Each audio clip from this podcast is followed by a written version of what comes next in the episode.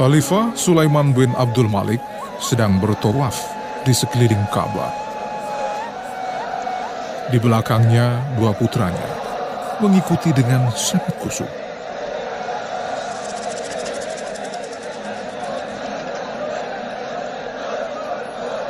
Ketika selesai tawaf, Khalifah lalu menengok ke arah salah satu pengawalnya sambil bertanya, "Di mana sahabatmu?" Pengawalnya menjawab, "Dia di pojok barat Masjid Al-Haram dan dia sedang melaksanakan sholat."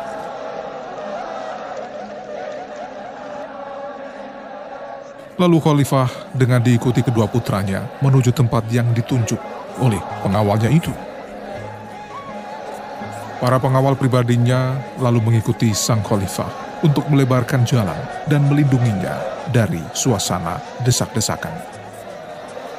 Tapi Khalifah Sulaiman bin Abdul Malik melarang melakukan hal itu dan berkata, Para raja dan rakyat jelata sama kedudukannya di tempat ini. Tidak seorang pun yang lebih mulia dari orang lain, kecuali berdasarkan amal dan ketakwaan. Boleh jadi ada orang yang kusut dan lusuh, berdebu, datang kepada Allah Subhanahu wa taala. Lalu Allah menerima ibadahnya dan pada saat yang sama para raja tidak diterima olehnya.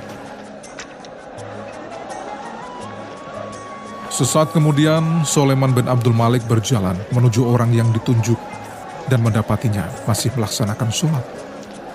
Ia terlihat khusyuk di dalam rukuk dan sujudnya.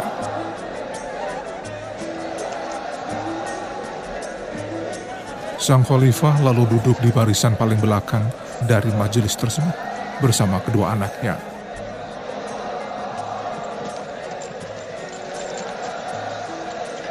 Ketika selesai sholat, kedua anak Sulaiman bin Abdul Malik baru menyadari orang yang ditunggu bapaknya adalah orang yang sudah tua. Ia berasal dari Habasyah, berkulit hitam dan berambut keriting lebat. Jika ia duduk, tampak bagaikan batu hitam yang menjulang di antara kaum muslimin yang lain.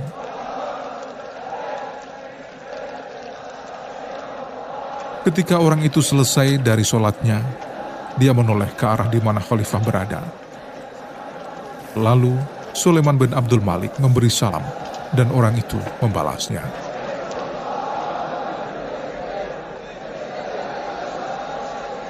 Saat itulah Khalifah menyongsongnya dan bertanya tentang manasik haji. Kemudian dari satu hal ke hal lainnya.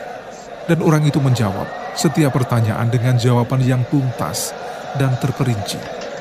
Sehingga tidak memberikan kesempatan lagi bagi Khalifah Sulaiman bin Abdul Malik dan orang lain untuk menanyakan lagi masalah yang sama. Ketika Khalifah Sulaiman bin Abdul Malik selesai mengajukan pertanyaan, ia meminta kepada kedua putranya berdiri. Kemudian mereka bertiga berlalu menuju tempat sa'i. Ketika di pertengahan jalan menuju tempat sa'i, tepatnya antara Sofa dan Marwah, kedua anak Sulaiman bin Abdul Malik mendengar ada orang yang berseru. Wahai kaum muslimin, siapa pun tidak boleh memberi fatwa kepada orang-orang di tempat ini, kecuali Atta bin Abi Robah. Dan jika dia tidak ada, maka Abdullah bin Abi Nujai.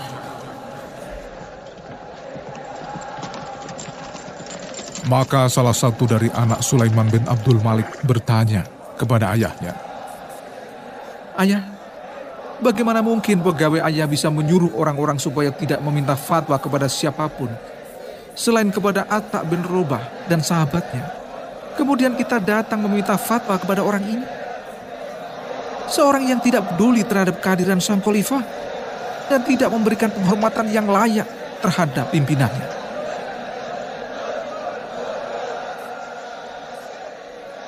Maka Khalifah Sulaiman bin Abdul Malik berkata kepada putranya, Anakku, orang yang telah kamu lihat dan kita tunduk di depannya itu tadi adalah Atta bin Abi Robah, pemilik fatwa di Masjidil Haram dan pewaris Abdullah bin Abbas di dalam kedudukan yang besar.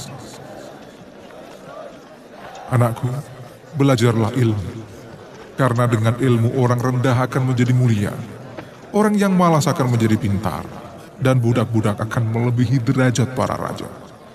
Ingatlah itu.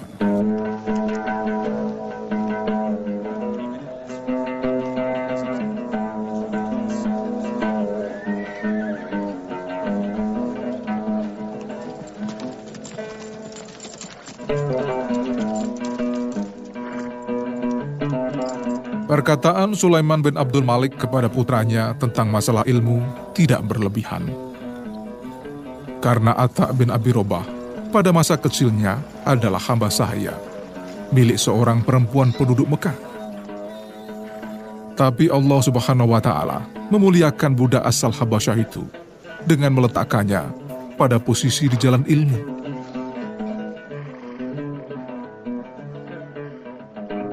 Atta bin Abi Robah meski hanya seorang budak, namun ia sangat pintar membagi waktu. Dia membagi waktunya menjadi tiga bagian. Satu bagian untuk majikan perempuannya, mengabdi kepadanya dengan sebaik-baik pengabdian dan memberikan hak-haknya dengan sempurna. Satu bagian lainnya dia jadikan untuk Tuhannya. Ia selalu menggunakan waktu untuk beribadah dengan baik dan ikhlas sementara satu bagian lagi dia jadikan untuk mencari ilmu. Atta bin Abi Robah banyak berguru kepada sahabat-sahabat Rasulullah Shallallahu Alaihi Wasallam dan menyerap ilmu-ilmunya yang banyak dan murni. Atta bin Abi Robah pernah berguru kepada Abu Hurairah, Abdullah bin Umar, Abdullah bin Abbas, Abdullah bin Ashubair, dan sahabat-sahabat lainnya karena itu hatinya dipenuhi ilmu, fikih, dan riwayat dari Rasulullah Shallallahu Alaihi Wasallam. Ketika majikan perempuannya melihat bahwa budaknya telah menjual jiwanya kepada Allah dan mewakafkan hidupnya untuk mencari ilmu, maka dia melepaskan haknya terhadap Atta. Kemudian memerdekakannya sebagai bentuk ta'aruf kepada Allah Azza wa Jalla. Sejak saat itu, Atta bin Abi Robah menjadikan Baitul Haram sebagai tempat tinggalnya, tempat dia berteduh dan belajar, serta bertaaruf kepada Allah Subhanahu wa Ta'ala. Masjidil Haram bahkan menjadi tempat tinggal Atta bin Abi Robah kurang lebih 20 tahun. Allah benar-benar menjadikan ilmu sahabat itu bermanfaat bagi banyak orang.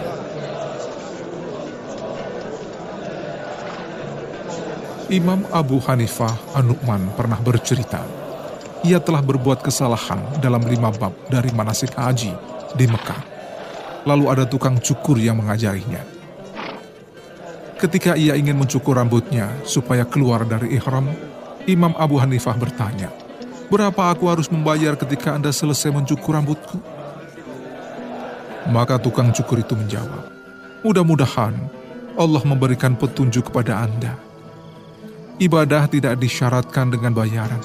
Duduklah dan berikan sekedar kerelaan. Maka Imam Abu Hanifah Anu'man merasa sangat malu. Namun ia tetap duduk dalam keadaan berpaling dari arah kiblat. Lalu tukang cukur itu menoleh ke arahnya dan meminta Imam Abu Hanifah supaya menghadap kiblat.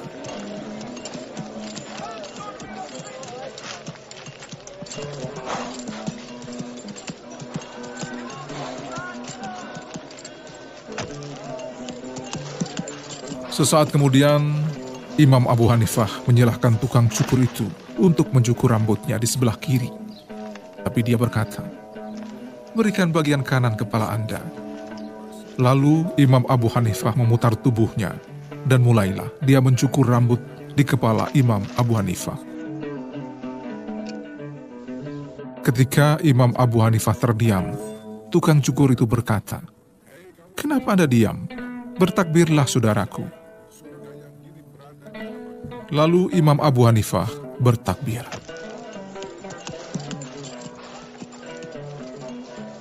Saat Imam Abu Hanifah berdiri untuk pergi karena selesai mencukur rambutnya, tukang cukur itu bertanya, Ke mana Anda hendak pergi? Maka Imam Abu Hanifah menjawab, Aku akan menuju unta yang saya tambatkan di sebelah sana. Tukang cukur itu berkata, Sholatlah dua rakaat kemudian pergilah ke mana ada suka.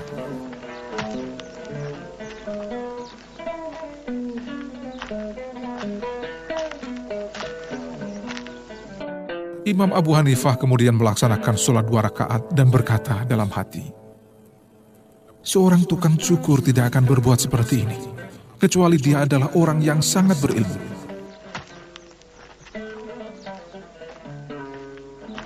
Maka ia bertanya, Saudaraku, dari mana Anda mendapatkan manasik yang Anda perintahkan kepadaku ini? Maka tukang cukur itu berkata, Demi Allah, aku telah melihat Atta bin Abi Robah melakukannya, lalu aku mengikutinya, dan aku mengarahkan orang lain seperti apa yang pernah dilakukannya.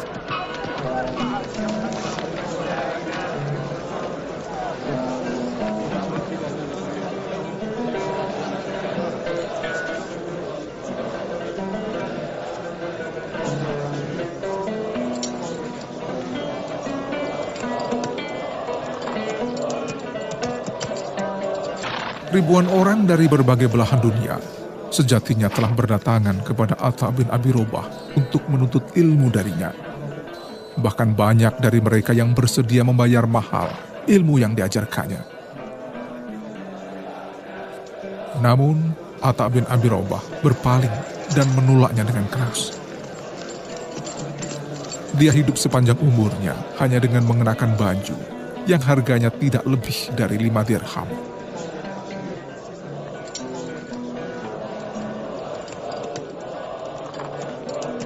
Atta bin Abi Robah dikaruniai umur panjang hingga 100 tahun. Umur itu dia penuhi dengan ilmu, amal kebaikan, dan takwa. Dan dia membersihkannya dengan zuhud dari kekayaan yang ada di tangan manusia dan sangat mengharap ganjaran di sisi Allah Subhanahu wa taala. Ketika Atta bin Abi Robah wafat, dia telah melakukan ibadah haji 70 kali.